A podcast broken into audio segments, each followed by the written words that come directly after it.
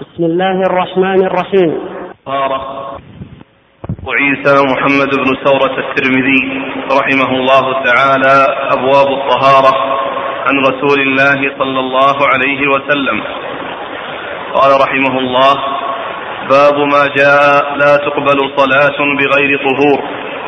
قال حدثنا قتيبة بن سعيد قال حدثنا أبو عوانة عن سماك بن حرب حاء قال وحدثنا هناد قال حدثنا وكيع عن إسرائيل عن سماك عن مصعب بن سعد عن ابن عمر رضي الله عنهما عن النبي صلى الله عليه وعلى آله وسلم أنه قال لا تقبل صلاة بغير طهور ولا صدقة من غلول. قال هناد في قال هناد في حديثه إلا بطهور. قال أبو عيسى هذا الحديث أصح شيء في هذا الباب وأحسن. بسم الله الرحمن الرحيم. الحمد لله رب العالمين وصلى الله وسلم وبارك على عبده ورسوله نبينا محمد وعلى آله وأصحابه أجمعين أما بعد. ف يقول أبو أبو أبو عيسى الترمذي رحمه الله أبواب الطهارة عن النبي صلى الله عليه وسلم. أبواب الطهارة هي تعادل كتاب الطهارة لأن الكتاب هو الذي يشتمل على أبواب. الكتاب هو الذي يشتمل على أبواب فإذا قال كتاب الطهارة أو قال أبواب الطهارة فإن معناهما واحد. وبعض نسخ الترمذي مشتملة على هذا اللفظ أبواب الطهارة في جميع الكتاب ومنها وبعضها فيه ذكر أبواب الطهارة وكتاب الطهارة. وبعضها آه، أبواب الطهارة وبعضها آه، بدل آه، أبواب كتاب كتاب البيوع مثلا. وإلا أبواب الطهارة فإنها موجودة في في الذي في جميع أبواب وكذلك في الذي في بعضه أبواب وفي بعضه كتاب. وقوله عن النبي صلى الله عليه وسلم أي أنها حديث مرفوعة أي التي فيها حديث مرفوعة يشتمل على حديث مرفوعة عن النبي صلى الله عليه وسلم. ليس فيه موقوفات على الصحابة ومن دون الصحابة وإنما هي حديث مرفوعة إلى النبي عليه الصلاة والسلام. فهذا هو آه، آه، السر في التعبير بقوله رحمة الله عليه عن النبي صلى الله عليه وسلم. والطهارة طهارة من الحدث وطهارة من الخبث. طهارة من الأحداث وطهارة من الأنجاس. والطهارة من الأحداث يعني كون الإنسان على حدث أكبر أو حدث أصغر فإنه تحصل الطهارة يعني بالماء. وإذا لم يوجد أو وجد ولكن لم يتمكن من استعماله فإنه ينتقل إلى الطهارة بالتيمم. ينتقل إلى الطهارة بالتيمم. وأما الأنجاس فإنها تغسل فإنها تغسل بالماء. المكان المتنجس أو الشيء المتنجس فإنه يغسل بالماء. وإذا أديت الصلاة من غير وضوء وبغير طهارة يعني آه، من الحدث فإن الصلاة لا تكون صحيحة. بل يجب على من حصل له ذلك الإعادة بعد بعد الطهارة بعد أن يتطهر يعيد الصلاة.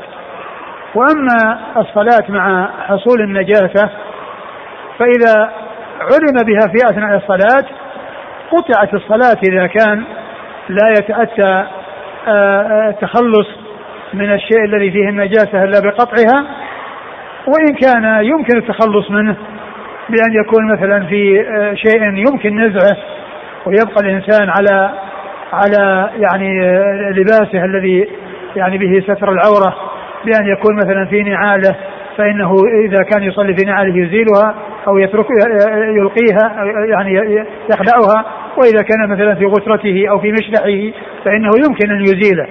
وأما إذا كان يتعلق يعني بشيء يعني فيه خلع الثياب أو ما إلى ذلك أو فيه آه، شيء من بدو العورة فإن الإنسان يقطع الصلاة. وإذا لم يعلم إلا بعد فراغ الصلاة فإن الصلاة صحيحة. وإذا لم يعلم بعد فراغ الصلاة إلا بعد فراغ الصلاة فإن الصلاة صحيحة. فإذا فرق بين الطهارة من الأحداث والطهارة من الأنجاس الطهارة من الأحداث لا بد فيها من حصولها وإن وجدت الصلاة بدونها فإنها باطلة وغير صحيحة ولا بد من الوضوء والإعادة أو التيمم والإعادة.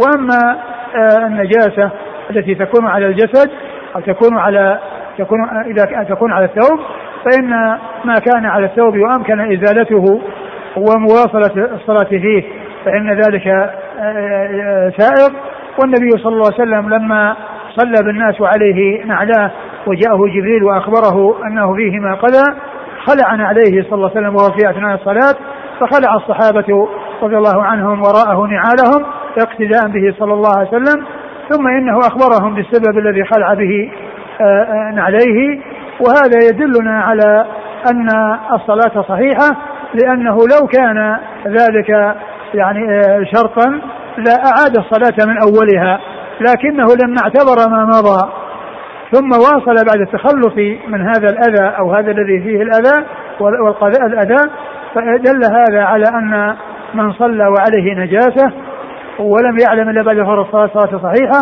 وإن علم في أثنائها وتمكن من إزالة ما فيه النجاسة فعل.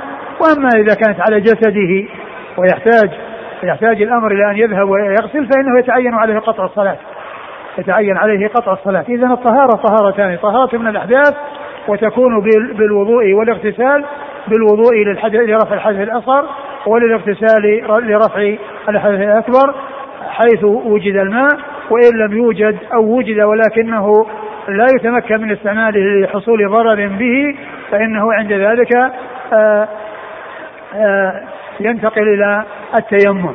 وإن كان يمكن استعماله في بعض الأعضاء فإنه يستعمله في بعض الأعضاء ويترك الشيء الذي يحصل به الضرر ويتيمم لما تركه ويتيمم لما لم يغسله ويتيمم لما لم يغسله. وأما النجاسة فالأمر فيها بالتفصيل الذي آه، والنجاسة كما قلت الأمر فيها بهذا التفصيل الذي أشرت إليه. ثم إن أبا داود رحمه الله ثم إن الإمام أبا عيسى رحمه الله آه، آه، بدأ بأول باب فقال باب لا تقبل صلاة بغير طهور. باب لا تقبل صلاة بغير طهور.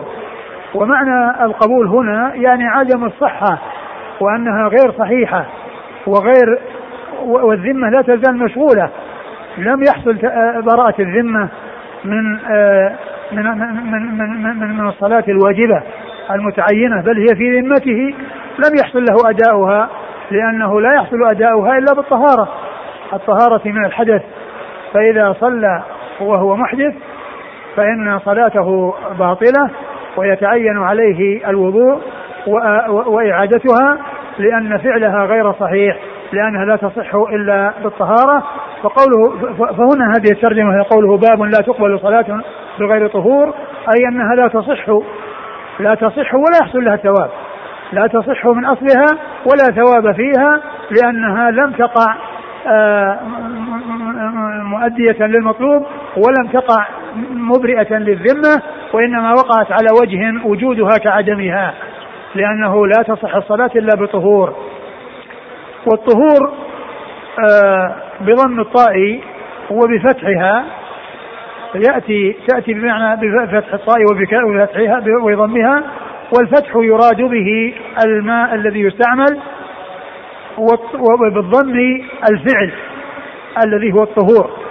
كون الإنسان يتوضأ فيغسل وجهه ويغسل يديه ويغسل ويمسح رأسه ويغسل رجليه هذا فعل. والماء الذي يعد للوضوء يقال له طهور. ففي الفتح يكون للشيء المستعمل وبالفعل وبالضم للفعل نفسه الذي هو فعل الطهارة. فالماء الذي في الإناء معد للطهارة يقال له طهور ويقال له وضوء. وكل إنسان يأخذ الماء من الإناء ويغسل وجهه ويغسل يديه ويمسح رأسه ويغسل رجليه هذا يقال له طهور. هذا يقال له طهور. لا تقبل صلاة بغير طهور يعني بغير وضوء. يعني كون إنسان متوضئ كون إنسان غير متوضئ لا تصح صلاته. لا تقبل صلاته. ونظائر ذلك آه، آه، آه، مثل الطهور والطهور الوضوء والوضوء والوجور والوجور والسعوط والسعوط والسحور والسحور. كل هذه كلمات في حال الفتح يكون معناها الشيء المستعمل وفي حال الضم يراد بها نفس الاستعمال. نفس الاستعمال السحور الطعام الذي يهيأ يؤكل في السحر من أجل الصيام. وكل يتناول ويأكل هذا قالوا سحور. سحور بالضم فالفعل فالضم يراد به الفعل في هذه الأمور كلها وبالفتح يراد به آه، آه، الشيء الذي يحصل استعماله. ثم إن آه، الترمذي رحمه الله أورد حديث ابن عمر أن النبي صلى الله عليه وسلم قال لا تقبل صلاة بغير طهور ولا تقبل صدقة من غلول. لا تقبل صلاة بغير طهور ولا تقبل صدقة من غلول. فقوله صلى فهذا الحديث مشتمل على جملتين. جملة تتعلق بالصلاة وجملة تتعلق بالصدقة. فالصلاة لابد فيها من الطهارة. وإذا وجد الصلاة بدون طهارة أي طهارة من الأحداث فإنها لا عبرة بها ووجودها كعدمها. ويعتبر الذي صلى وهو على غير وضوء غير مصل وغير مؤد لما هو مطلوب منه وغير مؤد للفرض الذي افترضه الله عليه فصلاته غير مقبولة بمعنى أنها غير صحيحة. ولا يترتب عليها أثر فليس لها ثواب لأنها غير معتبرة. لا تقبل صلاة من غير, من غير طهور يعني لا بد من الطهور للصلاة. ولا تقبل صدقة من غلول ولا تقبل صدقة من غلول. والمقصود بالغلول الغلول من الغنيمة وكذلك الأشياء التي تؤخذ خفية فإن هذه يقال له غلول. وقد جاء في الحديث هدايا العمال غلول. يعني ما يأخذه العمال بينهم وبين من يناولهم. فإن هذا من الغلول أي أنه من الفعل من من, من العمل المحرم والسحت الذي لا يجوز الإنسان أن يتعاطاه ولا يجوز له أخذه ولا يجوز له استعماله. بل عليه أن يبتعد عن ذلك وأن يتخلص من ذلك. وقد جاء في الحديث عن النبي صلى الله عليه وسلم في حديث أبي هريرة الذي رواه مسلم في صحيحه يعني آه، بلفظ أعم إن الله طيب لا يقبل إلا طيبا. إن الله طيب لا يقبل إلا طيبا. فالصدقة تكون من مال حلال ولا تكون من المال الحرام. لأن الحرام يؤاخذ الإنسان عليه في حال آه، آه، تحصيله وفي حال في حال دخوله عليه وحال خروجه منه. في حال دخوله عليه وحال خروجه منه. لأن التصرف فيه تصرف حرام. فهو آثم فيه ولا يسلم منه إلا برده إلى أهله. لا يسلم من تبعته إلا برده إلى أهله أو طلبهم المسامحة والصفح والسماح له بذلك وإلا فإن فإن ذلك حرام وسحت. لا يجوز الإنسان أن يتعاطاه. ولا تقبل صدقة من غلول. يعني معنى ذلك أن أن أن, أن المتصدق بمال حرام لا يستفيد شيئا من هذه الصدقة لأن الحرام لا يعود على صاحبه بالخير بل لا يعود عليه إلا بالمضرة. وكون الصلاة لا تصح إلا بالطهارة وكونه قرن بها أن الصدقة لا تنفع أو لا تفيد صاحبها إلا إذا كانت يعني سالمة من الغلول ومن الحرام الذي هو يشمل الغلول وغير الغلول يعني آه، يدل على عظم شأن الغلول وعظم شأن الخيانة وأخذ المال بغير حقه فإن فإن الإنسان مؤاخذ عليه في دخوله وفي خروجه فهو مسؤول عنه داخلا عليه وخارجا منه وإذا كان آه، آه، دخل بحرام وخرج أيضا بفعل محرم فذلك شر على شر وبلاء على بلاء وسوء على سوء والعياذ بالله. وقد جاء في بعض الأحاديث نفي قبول الصلاة ولكن لا يراد به نفي إجزائها من أصلها مثل الحديث الذي من أتى عرافا أو كاهنا لم تقبل له صلاة أربعين يوما فإن قوله لم تقبل له صلاة أربعين يوما يعني أنه يحرم ثوابها. ولا يقال إن إن إن, ذمته مشغولة وأن عليه أن يعيد وأن عليه أن يعيد تلك الصلوات الأربعين التي التي مضت وإنما فيها بيان حرمانه من أجر أربعين صلاة. يعني كون هذا العمل الذي فعله وهو قبيح وخبيث آه، ترتب عليه حرمانه من أجر أربعين صلاة ومن ثواب أربعين صلاة. وأما من حيث الإجزاء ومن حيث أنه آه، فعل الصلاة فإنه لا يطالب بالإعادة. مثل ما يطالب من حصل منه الحدث. من صلى وهو محدث يطالب بالإعادة. لكن من أتى عرافا وجاء في الحديث لا تقبل له صلاة أربعين يوما فإنه لا يطالب بالإعادة ولكن آه، آه، القبول يعني منفي عنه وأنه لا يستفيد من تلك الصلوات بل بل عوقب على آه، فعله آه، المحرم بكونه حرم أجر آه، هذه الصلوات الأربعين. فإذا من في في الحديث الذي معنا نفي القبول يترتب عليه نفي الإجزاء وأن الذمة لا تزال مشغولة ولم تبرأ والإعادة والمطالبة موجودة في في في الاتيان بالصلاة. وأما حديث لا تقبل حديث لم تقبل له صلاة 40 يوما في منة العرافه والكاهن فإنه لا يطالب بالإعادة ولكنه حرم أجر أربعين صلاة بسبب هذا العمل القبيح الخبيث الذي هو إتيان الكهان والعرافين. لا تقبل صلاة بغير طهور بغير طهور ولا صدقة ولا صدقة من غلول. نعم. إيش بعده إيش كان؟ قال هناد في حديثه إلا بطهور.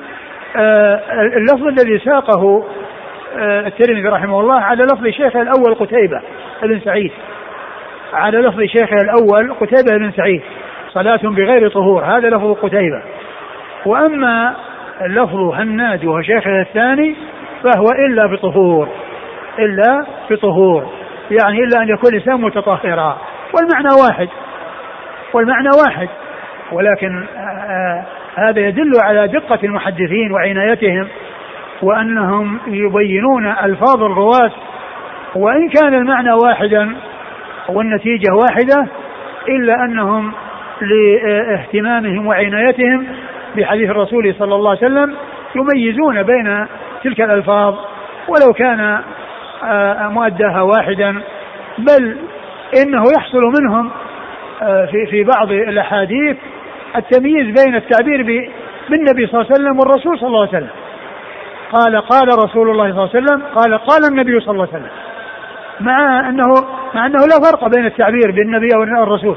كل ذلك يطلق على رسول الله صلى الله عليه وسلم وعلى نبي الله صلى الله عليه وسلم. ولكن هذا كله يدل على العناية والاهتمام. فهذا الذي في الحديث هو من هذا القبيل. المعنى واحد ولكن آه، بيان لفظ الشيخ آه، الثاني وأنه يختلف عن الشيخ الأول يدل على المحافظة على الألفاظ والعناية ببيان الأحاديث كما جاءت. وكون المحدث يأتي بالحديث كما سمعه وكما بلغه من شيخه فبلغه عن شيخه قتيبة بن سعيد بلفظ بغير طهور وبلغه عن شيخه هناد بن السري بقوله إلا بطهور. نعم. بعده؟ قال أبو عيسى هذا الحديث أصح شيء في هذا الباب وأحسن. قال أبو عيسى هذا الحديث أصح شيء في هذا الباب وأحسن. لأن الحديث, الحديث جاء عن عدد من الصحابة وجاء عن بعض الصحابة. ذكر بعضهم ولم يذكر يعني آخرين. ذكرهم غيره. ولكن الترمذي رحمه الله أراد أن يبين أن هذا الحديث هو أصح شيء ورد في هذا الباب وأحسن. ولعل آه، مراد الترمذي رحمه الله أنه بهذه الصيغة التي هي لا تقبل صلاة بكذا بغير كذا. وأما كونه يعني جاء آه، هذا المعنى بلفظ آخر لا يقبل الله صلاة أحدكم إذا أحدث حتى يتوضأ وهو بمعناه. وهذا في الصحيحين. يعني هذا في الصحيحين. فهذا أصح وأحسن من غيره. ولعل الترمذي رحمه الله أراد ما كان بهذه الصيغة. لا تقبل صلاة بغير طهور. أو ما يكون قريبا من هذا المعنى. وأما الحديث الذي آه، جاء في الصحيحين عن أبي هريرة بلفظ لا يقبل الله صلاة أحدكم إذا أحدث حتى يتوضأ وهو بلفظ آخر وليس معه ذكر الغلول. فلعل الترمذي رحمه الله أراد بالتصحيح والاختيار ما هو أحسن وأصح يعني ما كان بهذا اللفظ. وأما من حيث المعنى فإن حديث أبي هريرة المتفق على صحته والذي هو بلفظ لا يقبل الله صلاة أحدكم إذا أحدث حتى يتوضأ هذا أصح شيء هذا أصح منه لأنه متفق عليه. متفق عليه. وأما آه، هذا الحديث فليس متفق عليه وإنما هو من أفراد مسلم أخرجه مسلم كما أخرجه الترمذي وأخرجه أيضا ابن ماجه يعني من حديث عبد الله بن عمر. وأما من حديث غيره فقد جاء عن أبي هريرة وجاء عن آه، أبي المليح والد أبي المليح وجاء عن عدد من أصحاب رسول الله صلى الله عليه وسلم لم يذكرهم الترمذي نعم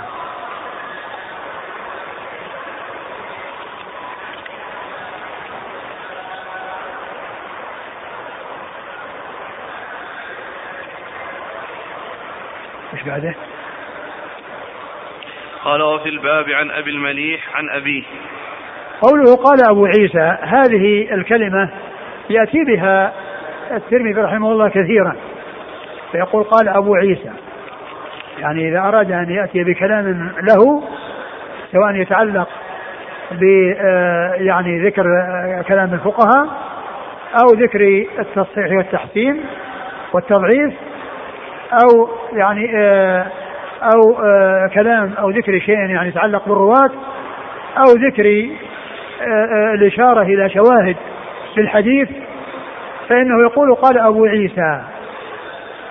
وهذه الطريقة التي هي كون المؤلف يعني يذكر نفسه بكنيته هذه غالبة عند المغاربة. كثيرة عند المغاربة وقليلة عند المشارقة. وأبو وأبو عيسى الترمذي من المشارقة. وهو من وهو من من يستعمل ممن استعمل ذلك وهو قليل في الاستعمال عند المشارقة. وأما عند المغاربة هو كثير كما هو موجود في كتبهم في كتب ابن عبد البر وابن حزم وغيرهم. قال أبو محمد قال أبو عمر. والترمذي رحمه الله يستعمل يعني هذه الطريقة. وكثير أكثر المشارقة يستعملون قلت يقولون قلت يعني بدل ما يقول قال فلان أو قال عن نفسه يقول قال أبو عيسى قال وكذا يقول قلت. إذا أراد أن ينسب إلى نفسه كلاما يأتي بكلمة قلت. هذه هي الغالبة في الاستعمال. وإلا فإن آه، فعل أبي عيسى هو يعني آه، على خلاف هذا الغالب في الاستعمال عند المشارقة على خلاف هذا الاستعمال عند المشارقة ويذكر نفسه بكنيته أبو عيسى وهو محمد بن عيسى بن ثورة بن موسى بن الضحاك كما كما هو كما هو معلوم. قال وقوله هو في الباب أي يعني ما يعتبر من الشواهد التي يصلح أن تذكر في الباب وإن لم تكن في اللفظ وإن لم تكن في نفس اللفظ. لكن بعض الناس قد يظن أن قوله في الباب أنه يكون مطابقا وأن الحديث يكون مطابقا والواقع ليس كذلك بل يعني ما يكون في المعنى وإن لم يطابق. قال وفي الباب عن أبي المليح عن أبيه وعن أبي هريرة. عن أبي المليح عن أبيه وعن أبي هريرة و آه آه وهذه طريقة الترمذي رحمه الله بدلا من كونه يعني آه لأنه أراد الاختصار. ولم يرد أن يطول الكتاب وأن يأتي بالشواهد وكل حديث جاء عن صحابي آخر يسوق إسناده ويأتي به فإنه يطول الكتاب بذلك. ولكنه رحمه الله أتى بحديث أو بلفظ حديث واحد عن صحابي من الصحابة واكتفى عن إيراد الأحاديث الأخرى بالإشارة إليها على سبيل على سبيل الإشارة بذكر الصحابة الذين خرجوها أو الذين الصحابة الذين رووها عن رسول الله صلى الله عليه وسلم. يقول في الباب عن فلان وفلان وفي الباب عن فلان وفلان كما هنا وفي الباب عن عبد الملك عن أبيه وعن أبي هريرة رضي الله تعالى عنهما. فهذا هذه طريقة أبي عيسى رحمه الله وهي والمقصود بها الاختصار. وهذه شواهد لأن لأن الحديث آه، إذا إذا جاء عن عدد من الصحابة تعتبر تلك الأحاديث شواهد. بخلاف الطرق للحديث الواحد فإنها تكون متابعات. تكون متابعات. الحديث واحد ولكنه جاء من طرق متعددة بعضها متابع لبعض. وأما إذا كان الصحابة مختلفين وجاءت من طريق صحابي آخر أو صحابة آخرين فتلك يقال لها شواهد. وهو يشير إلى هذه الشواهد بقوله وفي الباب عن أبي المليح عن أبيه وعن أبي هريرة رضي الله تعالى عنهما. نعم. وفي الباب عن أبي المليح عن أبيه وأبي هريرة وأنس رضي الله عنهم. نعم وأنس ثلاثة. وأنس رضي الله عنهم ثلاثة. نعم. وأبو المليح بن أسامة اسمه عامر ويقال زيد بن أسامة بن عمير الهذلي. لما كان أبو المليح مشهورا بكنيته أشار إلى اسمه وأن فيه اختلاف بين آه، آه، آه، المحدثين. يعني على أوجه متعددة فأشار إلى ذلك الاختلاف. فأشار إلى ذلك الاختلاف ولكنه مشهور بكنيته. ولكنه مشهور بكنيته. نعم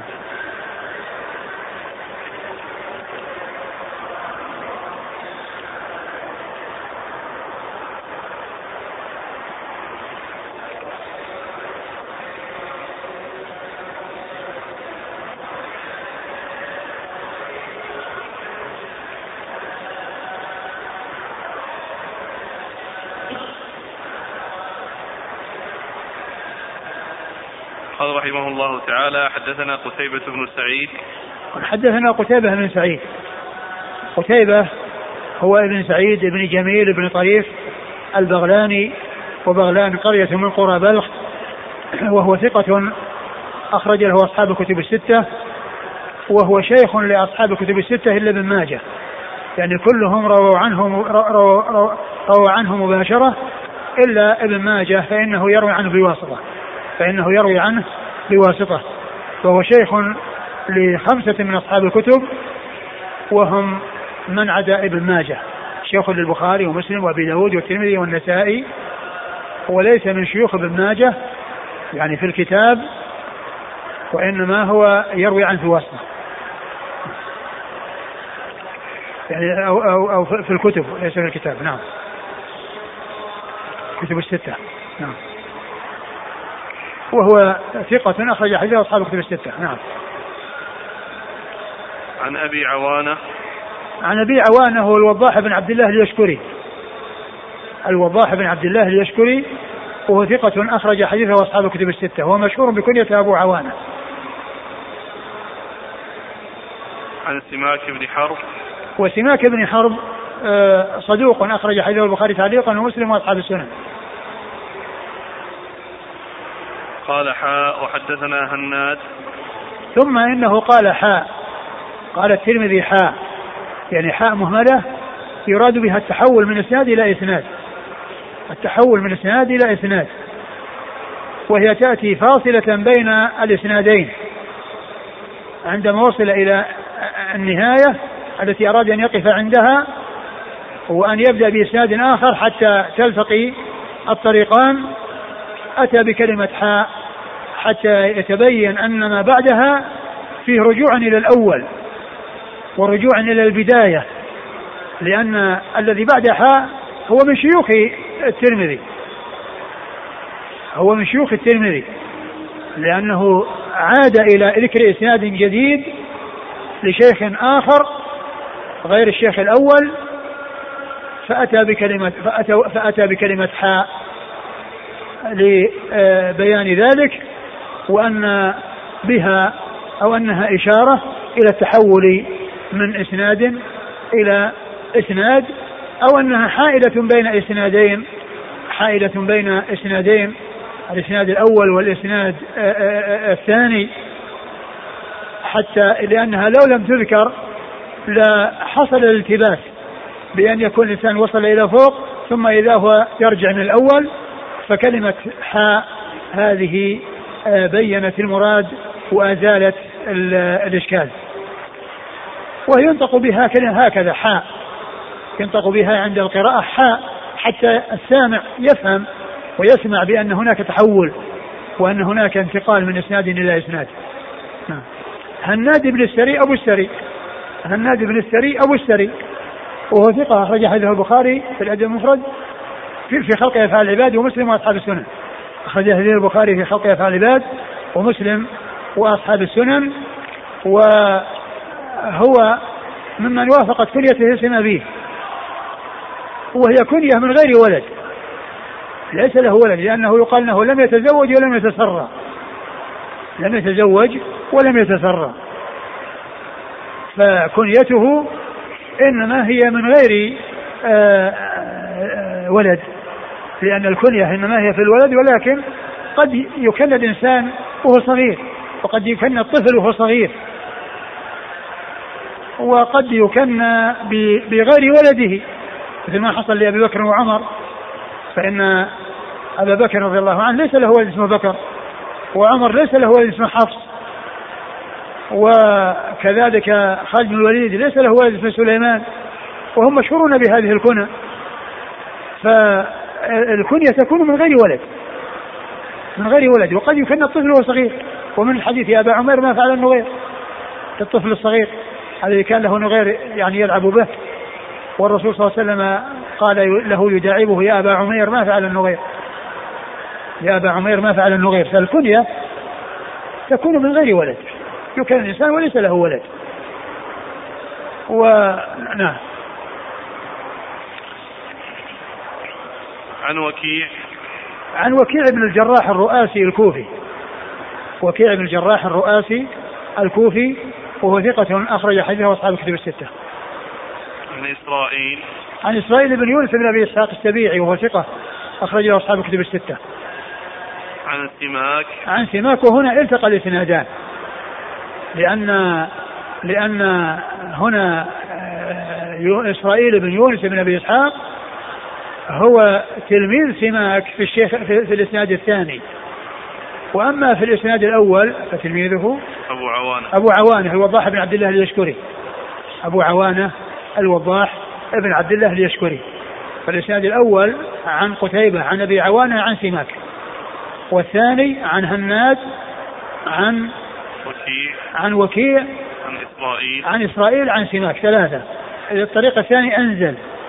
يعني في ثلاثة وسائط بينه وبين سماك بين الترمذي وبين سماك في الطريق الأولى واسطتان وفي الطريقة الثانية ثلاث وسائط ويعني معناها الأول أعلى الأول أعلى والثاني أنزل لأن السند العالي هو الذي يقل رجاله والسند النازل هو الذي يكثر رجاله ولهذا يقال أو يقال للشخص أن احاديثه أعلى احاديث الثلاثية أعلى احاديث الرباعية.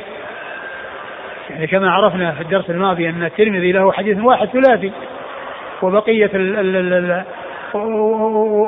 وبقية ذلك رباعيات وغير رباعيات. نعم. عن سماك عن؟ مصعب بن سعد. عن مصعب مصعب بن سعد وهو ثقة أخرجه أصحاب الكتب الستة. عن ابن عمر. عن عبد الله بن عمر بن الخطاب رضي الله تعالى عنهما الصحابي الجليل وهو أحد العباد له الأربعة من أصحاب النبي صلى الله عليه وسلم. وهم عبد الله بن عمر وعبد الله بن عمرو عبد الله بن عباس وعبد الله بن الزبير. هؤلاء العباد له الأربعة الذين غلب عليهم هذا اللقب. وفي الصحابة كما هو معلوم صحابة كثيرون ممن يسمى عبد الله مثل عبد الله بن قيس الأنصاري آه، الأشعري. أبو موسى عبد الله بن قيس عبد الله, بن يعني بن أبي بكر ويعني عدد من يسمى عبد الله وعبد الله بن مسعود. ولكن اشتهر هؤلاء العبادلة بأنهم الأربعة لأنهم في أسنان متقاربة وقد عاشوا حتى أدركهم من لم يدرك يعني من من من من كان متقدما من من, من العبادله وبعض أهل العلم يقول إن عبد الله بن مسعود هو هو أحد الأربعة. ولكن الصحيح أن أن أنهم كلهم في في سن واحد وفي طبقة واحدة وهم من صغار الصحابة. وأما ابن مسعود فهو متقدم عليهم لأن وفاته في آه، خلافة عثمان سنة 32 سنة 32 وأما هؤلاء تجاوزوا السبعين. فأدركهم من لم يدرك ابن مسعود. فيقال لهم العبادلة لأنهم كانوا في سن متقارب واشتهروا بهذا اللقب وأدركهم من لم يدرك غيرهم ممن يسمى عبد الله. وكذلك أيضا هو أحد السبعة المعروفين بكثرة الحديث عن النبي صلى الله عليه وسلم. هو أحد السبعة المعروفين بكثرة الحديث عن النبي عليه الصلاة والسلام. والتي زادت أحاديثهم في الكتب الستة على الألف. زادت أحاديثهم على الألف. حديث في الكتب الستة. وهم أبو هريرة وابن عمر وابن عباس وأبو سعيد وأنس وجابر وعائشة. ستة رجال وامرأة واحدة. ستة رجال وامرأة واحدة. وهم الذين ذكرهم السيوطي في ألفية بقوله والمكثرون في رواية الأثر أبو هريرة يليه بن عمر. وأنس والبحر كالخدري البحر يعني ابن عباس. البحر والحبر. وأنس والبحر كالخدري وجابر وزوجة النبي. وجابر وزوجة النبي النبي يعني عائشة رضي الله تعالى عنها وعن الصحابة أجمعين.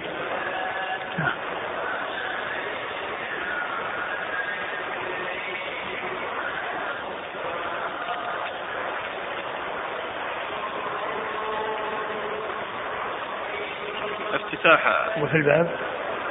قال وفي الباب. وفي الباب عن أبي المليح عن أبيه. عن أبي المليح وقد اختلف في اسمه وهو ثقة أخرجه أصحاب الكتب. نعم.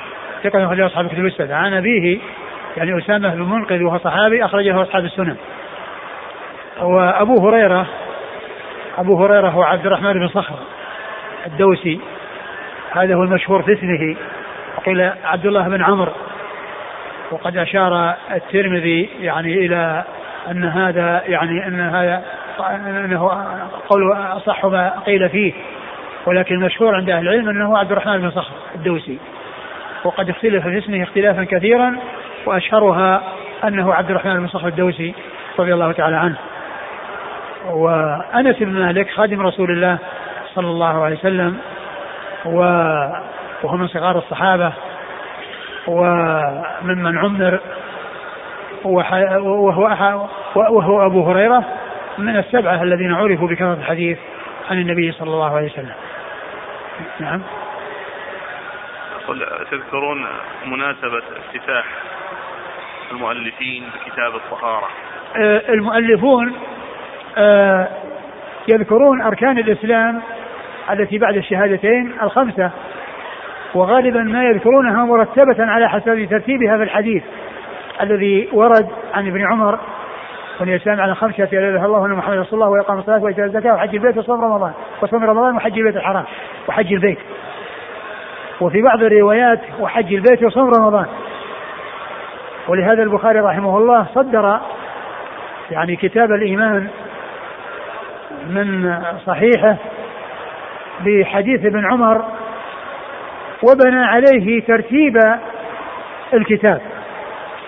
فقدم فقدم الحج على الصوم. قدم الحج على الصوم لأنه أتى بالرواية التي جاءت في حديث ابن عمر فيها تقديم الصيام الحج على الصيام. تقديم الحج على الصيام. والغالب في استعمال المحدثين أنهم يقدمون يرتبونها كما جاءت في حديث جبريل.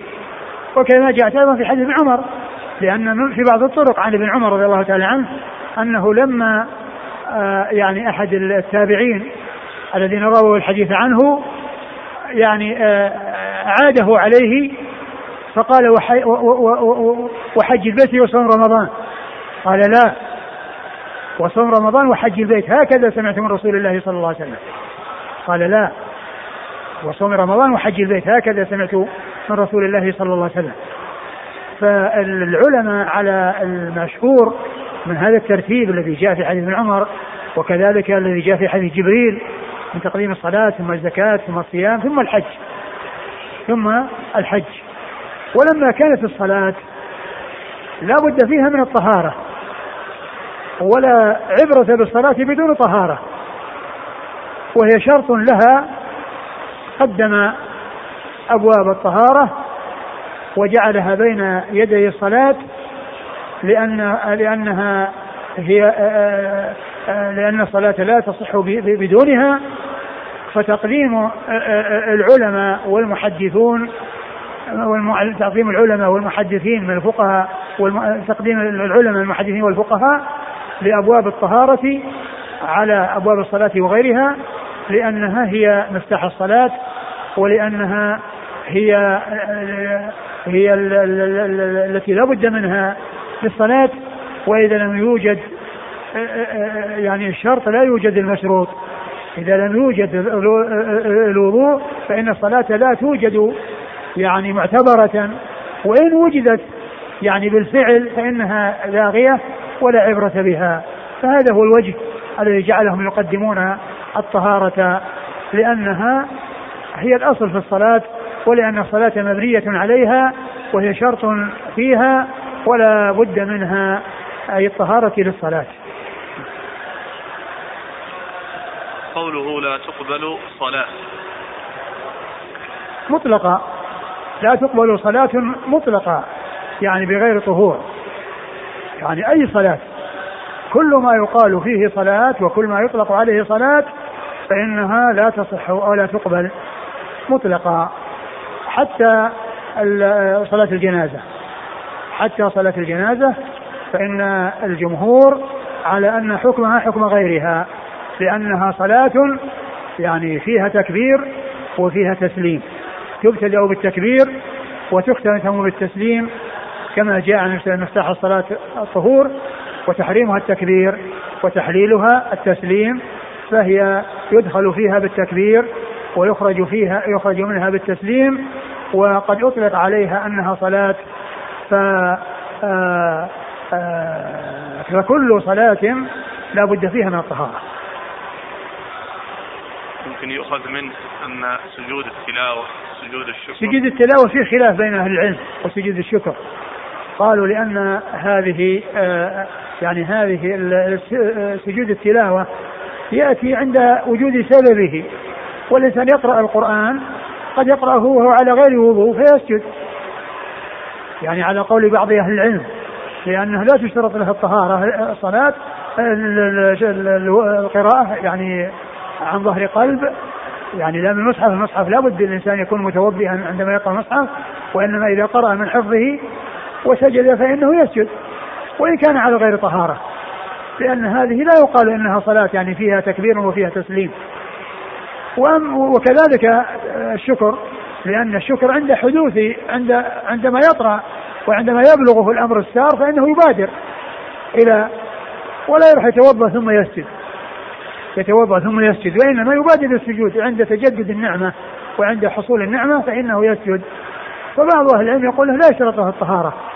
وبعضهم قال إنه يشترط له الطهارة والذي يظهر الله أعلم أنه لا يشترط له الطهارة. ممكن أن يستدل بهذا اللفظ على وجوب الطهارة للطائف؟ بقوله لا تقبل صلاة وقوله صلى الله عليه وسلم إنما الطواف بالبيت صلاة.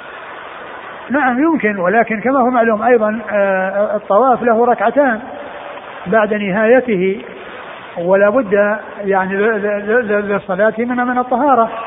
لا بد للصلاة من الطهارة. ثم أيضا الحديث الذي قال افعلي ما يفعل الحاج غير لا تطوفي البيت حتى تطهري. يعني معناه أنه لا بد من الطهارة. هنا جاء وفي ذلك خلاف بين أهل العلم. نعم. هنا جاءت اللفظة لا تقبل الحديث الآخر لا يقبل صلاة أحدكم إذا أحدث حتى يتوضأ. فما بال فاقد الطهورين؟ ها؟ فاقد الطهورين. من لم يجد ماء ولا ترابا. هذا يصلي على حسب حاله. يصلي على حسب حاله. يعني قضية التراب مو لازم إنه يعني يجد له تراب. يعني لو يعني آه، أي شيء على ظهر الأرض تراب وغير تراب فإنه يتيمم عليه. سواء كان حجرا أو أو, أو رملا أو رمالا لأن الله لأن الرسول صلى الله عليه وسلم قال وجعلت تربته آه، آه، فعنده ذكر الصلاة فعنده مسجد وطهورة عنده مسجد وطهورة يعني الأرض يصلي عليها ويتطهر منها فهو, فهو يتطهر بأي شيء يعني من الأرض لأنه آه، عام في الأرض كلها وليس خاصا بالتراب وليس خاصا بالتراب. فهو يتيمم إذا كان قادرا وأما إذا كان غير قادر بأن يكون مربوطة يداه وموثقة يداه يعني مثلا في في سارية أو في شيء وموثق ولا يستطيع فإنه يصلي على حسب حاله. لا يكلف الله نفسا إلا وسعها. قال رحمه الله تعالى باب ما جاء في فضل الطهور. قال حدثنا إسحاق بن موسى الأنصاري قال حدثنا معن بن عيسى القزاز قال حدثنا مالك بن أنس حاء قال حدثنا قتيبة عن مالك عن سهيل بن أبي صالح عن أبيه عن أبي هريرة رضي الله عنه أنه قال قال رسول الله صلى الله عليه وعلى آله وسلم إذا توضأ العبد المسلم أو المؤمن فغسل وجهه خرجت من وجهه كل خطيئة نظر إليها بعينيه مع الماء أو مع آخر قطر الماء أو نحو هذا. وإذا غسل يديه خرجت من يديه كل خطيئة بطشتها يداه مع الماء أو مع آخر قطر الماء حتى يخرج نقيا من الذنوب. قال أبو عيسى هذا حديث حسن صحيح. وهو حديث مالك عن سهيل عن أبيه عن أبي هريرة. وأبو صالح والد سهيل هو أبو صالح السمان واسمه ذكوان. وأبو هريرة اختلف في اسمه فقالوا عبد شمس وقالوا عبد الله بن عمرو وهكذا قال محمد بن إسماعيل وهو الأصح. قال أبو عيسى وفي الباب عن عثمان بن عفان وثوبان والصنابحي وعمر بن عبسة وسلمان وعبد الله بن عمرو رضي الله عنهم. والصنابحي الذي روى عن أبي بكر الصديق ليس له سماع من رسول الله صلى الله عليه وسلم واسمه عبد الرحمن بن عسيلة ويكنى أبا عبد الله. رحل إلى النبي صلى الله عليه وسلم فقبض النبي صلى الله عليه وسلم وهو في الطريق. وقد روى عن النبي صلى الله عليه وسلم أحاديث. والصنابح بن الأعسر الأحمسي صاحب النبي صلى الله عليه وسلم يقال له الصنابحي أيضا. وإنما حديثه قال سمعت النبي صلى الله عليه وسلم يقول إني مكاثر بكم الأمم فلا تقتتلن بعدي. ثم ورد أبو عيسى الترمذي رحمه الله هذا الباب باب فضل الطهور. يعني فضل الطهارة من الأحداث وهو الوضوء كل الإنسان يتوضأ يعني في فضل عظيم. وذلك بكونه تخرج خطاياه عند غسله وجهه وعند غسله يديه وعند غسله رجليه يعني مع الماء أو مع آخر قطر الماء أو نحو ذلك. وهذا شك من الراوي. لأنه قال مع الماء أو قال مع آخر قطر الماء. وقوله نحو ذلك أي أو, عبارة يعني نحو هذه العبارة. يعني وهذا يعني يفيد أن أن القضية أنها شك وأن الذي جاء في, في, في هذا من ليس تنويعا وإنما هو شكا من الراوي لأنه قال كذا أو كذا أو نحو ذلك أو نحو ذلك. أورد آه، أبو داود رحمه آه، أبو, أبو عيسى الترمذي رحمه الله في هذا الباب حديث آه، أبي هريرة رضي الله تعالى عنه أن النبي صلى الله عليه وسلم قال إذا إذا توضأ العبد المسلم أو المؤمن إذا توضأ العبد المسلم أو المؤمن يعني هذا شك من الراوي هل قال المسلم أو قال المؤمن؟ هل العبارة أو هل اللفظ الذي جاء عن النبي صلى الله عليه وسلم بلفظ المسلم أو بلفظ المؤمن قال هذا أو هذا يعني على الشك هل قال النبي صلى الله عليه وسلم هذا أو قال هذا؟ نعم خرجت. فغسل وجهه نعم. إذا توضأ فغسل وجهه. يعني آه، لأن كلمة غسل هذا تفسير للوضوء. توضأ فغسل وجهه الذي هو أول فروض الوضوء يغسل وجهه. فإذا غسل وجهه آه، آه، خرجت خطاياه. كل خطيئة يعني رأتها أبصرتها عيناه مع الماء أو مع آخر قطر الماء أو نحو ذلك. أو نحو ذلك. ومعنى ذلك أن الإنسان عندما يفعل هذه الطهارة يحصل له آه، آه، آه، السلامة من المعاصي التي حصلت في وجهه. وهنا ذكر النظر. وفي الوجه شيء آخر غير النظر وهو الفم والأنف. ولكن لهما يعني شيء يخصهما هو المضمضة والاستنشاق. لهما شيء يخصهما هو المضمضة والاستنشاق. فلم يذكر وإنما ذكر النظر الذي يعني لا يتأتى أو أن يكون غسله مع غسل الوجه بخلاف الاستنشاق خلاف الأنف والفم فإن لهما المضمضة أو حكمهما المضمضة مع غسل الوجه لأن من غسل الوجه المضمضة والاستنشاق كما جاء في ذلك السنة عن رسول الله صلى الله عليه وسلم فإذا ذكر النظر آه وأن أن كل خطيئة آه أبصرتها يداه عيناه أو أبصرها وحصل نظره إليها فإنها آه، يعني تسقط أو تخرج كما يعني مع الماء أو مع آخر قطر الماء. وكذلك إذا غسل رجليه إذا غسل يديه وكذلك إذا غسل رجليه. ومعلوم أن أن ما جاء من الفضل في هذا الحديث إنما هو مع التوبة من جميع المعاصي. اللي هي الكبيرة. وأما الصغيرة فإنها يحصل تكفيرها بهذا العمل الذي هو الوضوء. الصغائر تكفر باجتناب الكبائر. تكفر باجتناب الكبائر. ولا يقال ان أن كل المعاصي أنها وإن كانت كبيرة أنه تحصل السلامة منها بحصول الوضوء لأن آه، ذلك إنما يكون بالتوبة الكبائر إنما تكون بالتوبة منها أو إذا كانت بين الإنسان وبين ربه أو بالرجوع إلى أصحاب الحقوق وايصال حقوقهم إليهم أو استباحتهم وطلب السماح مسامحتهم واعفائهم إياه مما هو لازم له عليهم. فالذي يخرج الذي يحصل تكفيره إنما هو الصغائر. وأما الكبائر فإنه لا بد فيها من التوبة. ومعلوم أن النبي صلى الله عليه وسلم قال الصلوات الخمس والجمعة إلى الجمعة يعني ورمضان إلى رمضان مكفرات لما بينهما جميعا الكبائر.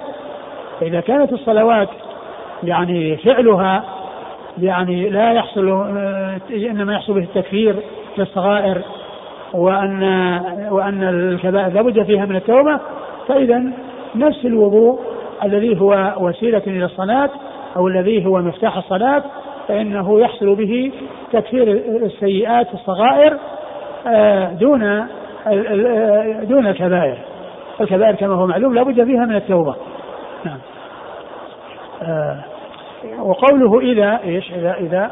وإذا غسل يديه خرجت من يديه كل خطيئة بطشتها يداه مع الماء أو مع آخر قطر الماء. وهذا كذلك فيما يتعلق باليدين وقد جاء أيضا في الحديث في في صحيح يعني في الصحيح وإذا غسل رجليه خرجت منه كل خطيئة مشتها رجلاه حتى يخرج نقيا يعني من الذنوب فيكون هذه الأعضاء التي يغسلها يكون فيها تكفير آه، السيئات التي هي الصغائر وهذا إنما يكون في ما بين العبد وبين ربه أما فيما بينه وبين الناس فإنه عليه أن يستبيحهم وأن يطلب منهم المسامحة فإذا كان ضرب أحدا أو أساء إلى أحد بالكلام بالغيبة أو يعني حصل منه أخذ مال لأحد فإن حق ذلك الغير في ذمته ولا يبرأ منه إلا بإعفاء صاحبه منه وإذا لم يحصل إعفاء ومات والإنسان وهو يعني وأصحاب الحق لم لم يحصل منهم العفو فإن المقاصة تكون يوم القيامة بالحسنات بالحسنات والسيئات. كما جاء في الحديث تدرون من المفلس؟ قال والمفلس فينا من لا درهم عنده ولا متاع. قال عليه الصلاة والسلام المفلس من يأتي يوم القيامة في صلاة وزكاة وصيام وحج فيأتي وقد شتم هذا وضرب هذا وسفك دم هذا. وأخذ مال هذا فيعطى لهذا من حسناته وهذا من حسناته فإن فنيت حسناته قبل أن يقوم عليه أخذ من سيئاته وطرح عليه ثم طرح في النار. نعم. قال أبو عيسى هذا حديث حسن صحيح. قال أبو عيسى هذا حديث حسن صحيح. والحديث صحيح لأنه جاء يعني في ال في مسلم. في مسلم. جاء في مسلم نعم. وهو حديث مالك عن سهيل عن أبيه عن أبي هريرة. نعم. وأبو صالح والد سهيل هو أبو صالح السمان. واسمه ذكوان. نعم. وأبو هريرة اختلف في اسمه. فقالوا عبد شمس وقالوا عبد الله بن عمرو. وهكذا قال محمد بن إسماعيل وهو الأصح. نعم. قال أبو عيسى. وفي الباب عن عثمان بن عفان وثوبان والصنابحي وعمرو بن عبسة وسلمان وعبد الله بن عمرو. يعني هذه شواهد في حديث أبي هريرة الذي صدر به والذي أورده بلفظه. ذكر هذه الشواهد لهؤلاء الصحابة الستة الذين رووا الحديث عن رسول الله صلى الله عليه وسلم. يعني والمقصود يعني كما كما عرفنا يعني مما هي شواهد يعني آه، تشهد له وتدل على عليه وإن لم تكن بمطابقة له في اللفظ. نعم. والصنابحي الذي روى عن أبي بكر الصديق ليس له سماع من رسول الله صلى الله عليه وسلم واسمه عبد الرحمن بن عسيلة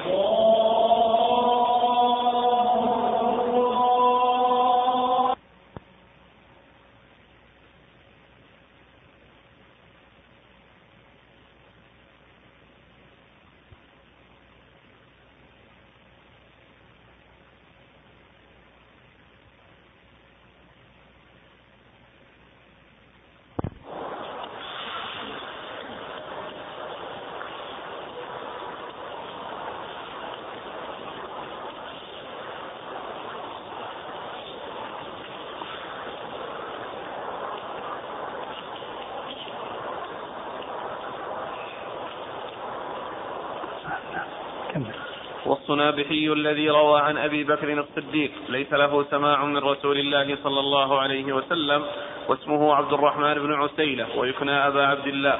رحل إلى النبي صلى الله عليه وسلم فقبض النبي صلى الله عليه وسلم وهو في الطريق.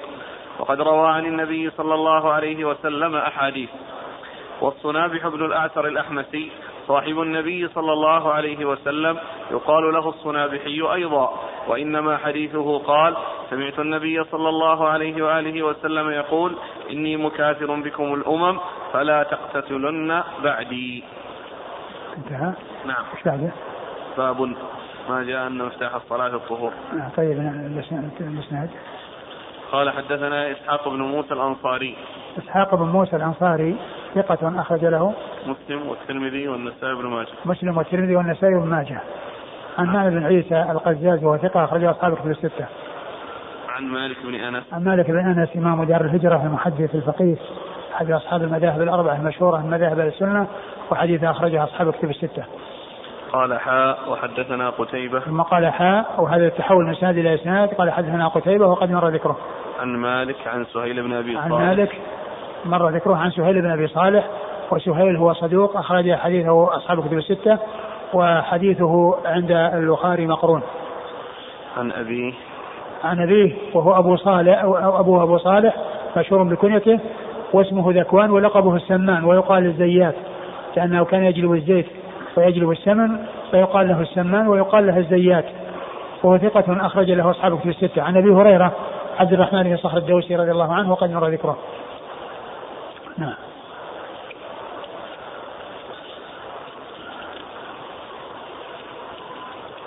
نقرأ الباب. وفي الباب نعم. طيب. قال أبو عيسى وفي الباب عن عثمان بن عفان. عثمان بن عفان أمير المؤمنين وثالث الخلفاء الراشدين الهادي المهديين صاحب المناقب الجمة والفضائل الكثيرة وحديثه عند أصحاب كتب الستة. وثوبان. وثوبان مولى رسول الله صلى الله عليه وسلم وحديثه عند أصحاب أخرج أصحاب كتب الستة. البخاري في الأدب المفرد. البخاري؟ البخاري في الأدب المفرد ومسلم وأصحاب السنة. البخاري في الأدب المفرد ومسلم وأصحاب السنة. والصنابحي. والصنابحي قيل هو المشهور بهذا يعني بهذا بهذا بهذا النسبة هو عبد الرحمن بن عسيلة وهو تابعي من كبار التابعين. آه، لم يلقى النبي صلى الله عليه وسلم كان في اليمن فقدم ليلقى النبي صلى الله عليه وسلم ولكنه مات ولكن النبي صلى الله عليه وسلم مات وهو في الطريق قبل أن يصل إلى المدينة. قيل إنه كان في في الجحفة يعني في أثناء الطريق قدم من اليمن فقدم ركب فسألهم الخبر أو سالهم الخبر قالوا أن النبي صلى الله عليه وسلم دفن قبل خمسة أيام. دفن قبل خمسة أيام فلم آه، آه، فلم يدخل في الصحبة. ولكنه روى عن أبي بكر وعن عمر وعن كبار الصحابة رضي الله تعالى عنهم. نعم. وهو ثقة تابع ثقة أخرج أصحاب كتب الستة. وعمر بن عبسة. وعمرو بن عبسة الصحابي أخرج له مسلم وأصحاب السنن. مسلم وأصحاب السنن. وسلمان. وسلمان الفارسي أخرج له أصحاب الكتب. أصحاب الكتب الستة. وعبد الله بن عمرو. عبد الله بن عمرو بن العاص رضي الله تعالى عنهما أحد العباد له الأربعة من الصحابة وحديثه أخرجه أصحاب الكتب الستة.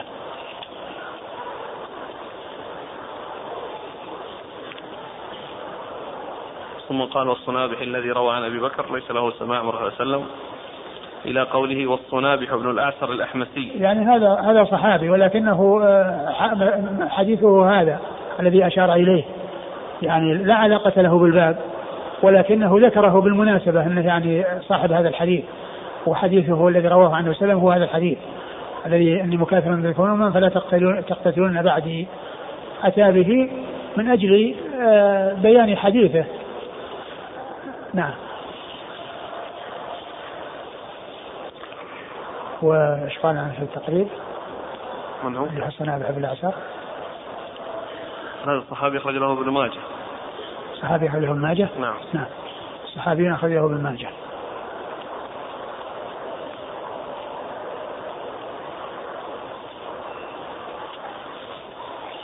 في هذا نعم. الباب بعدين. نعم. نمشي الباب اللي بعده ولا؟ لا خلاص نقل جزاكم الله خيرا وبارك الله فيكم ونفعنا الله بما قلتم. القاعدة التي ذكرها الذهبي في إسحاق بن موسى الأنصاري لو تنوهون بها. إسحاق بن موسى الأنصاري نعم. الشيخ الشيخ الترمذي نعم. وش وش القاعدة؟ يقول الذهبي في تذكرة الحفاظ في ترجمة إسحاق بن موسى الأنصاري والترمذي إذا قال حدثنا الأنصاري فإياه يعني إيه آه نعم يعني هذا الحديث يعني ذكره بنسبه اسمه واسم أبيه ونسبه.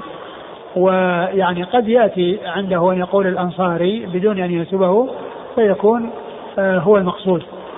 فيكون هو ال- ال- المقصود. وفيه محمد بن عبد الله الأنصاري وهذا من شيوخ البخاري.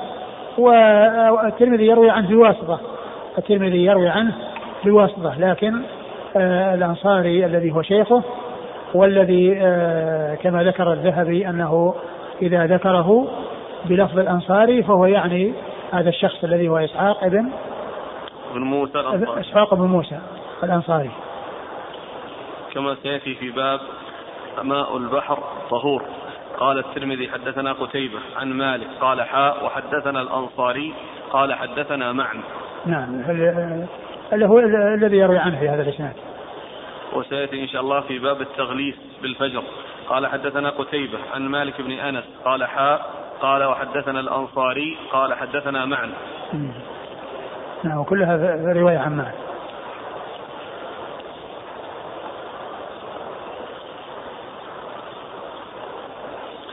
أحسن الله إليك. يقول السائل يقول علماء التخريج إن أول من ابتكر التخريج هو الترمذي في جامعه وذلك بقوله وفي الباب عن فلان.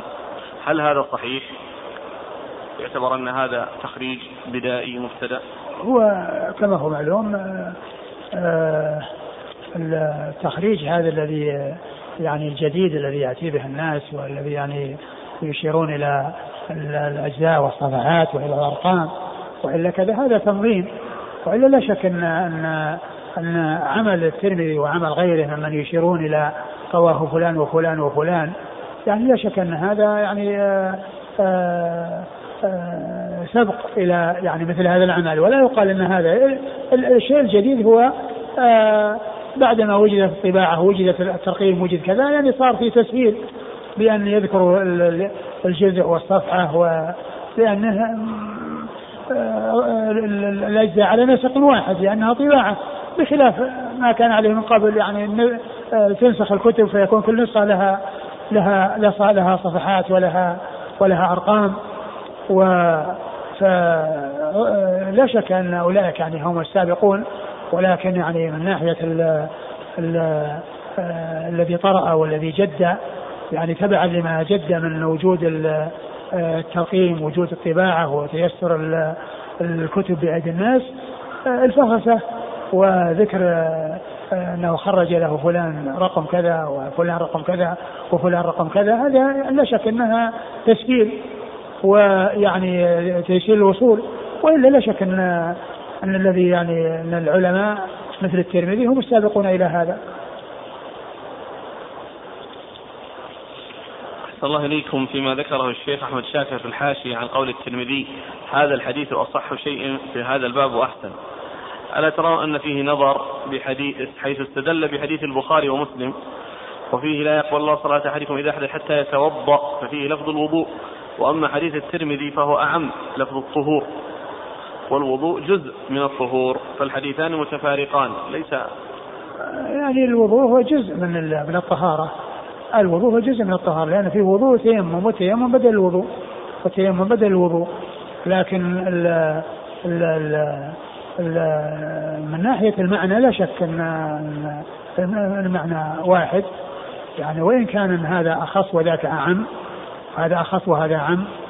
هذا ذكر ذكر وهذا ذكر الطهارة والطهارة يعني عم من يعني لكن من ناحية المعنى لا شك أن هذا أصح الذي هو الذي خرجه الشيخان ولعل الترمذي أراد يعني ما كان بهذا اللفظ وما كان معه ذكر الغلول أيضا جزاكم الله خيرا وبارك الله فيكم ونفعنا الله بما قلت.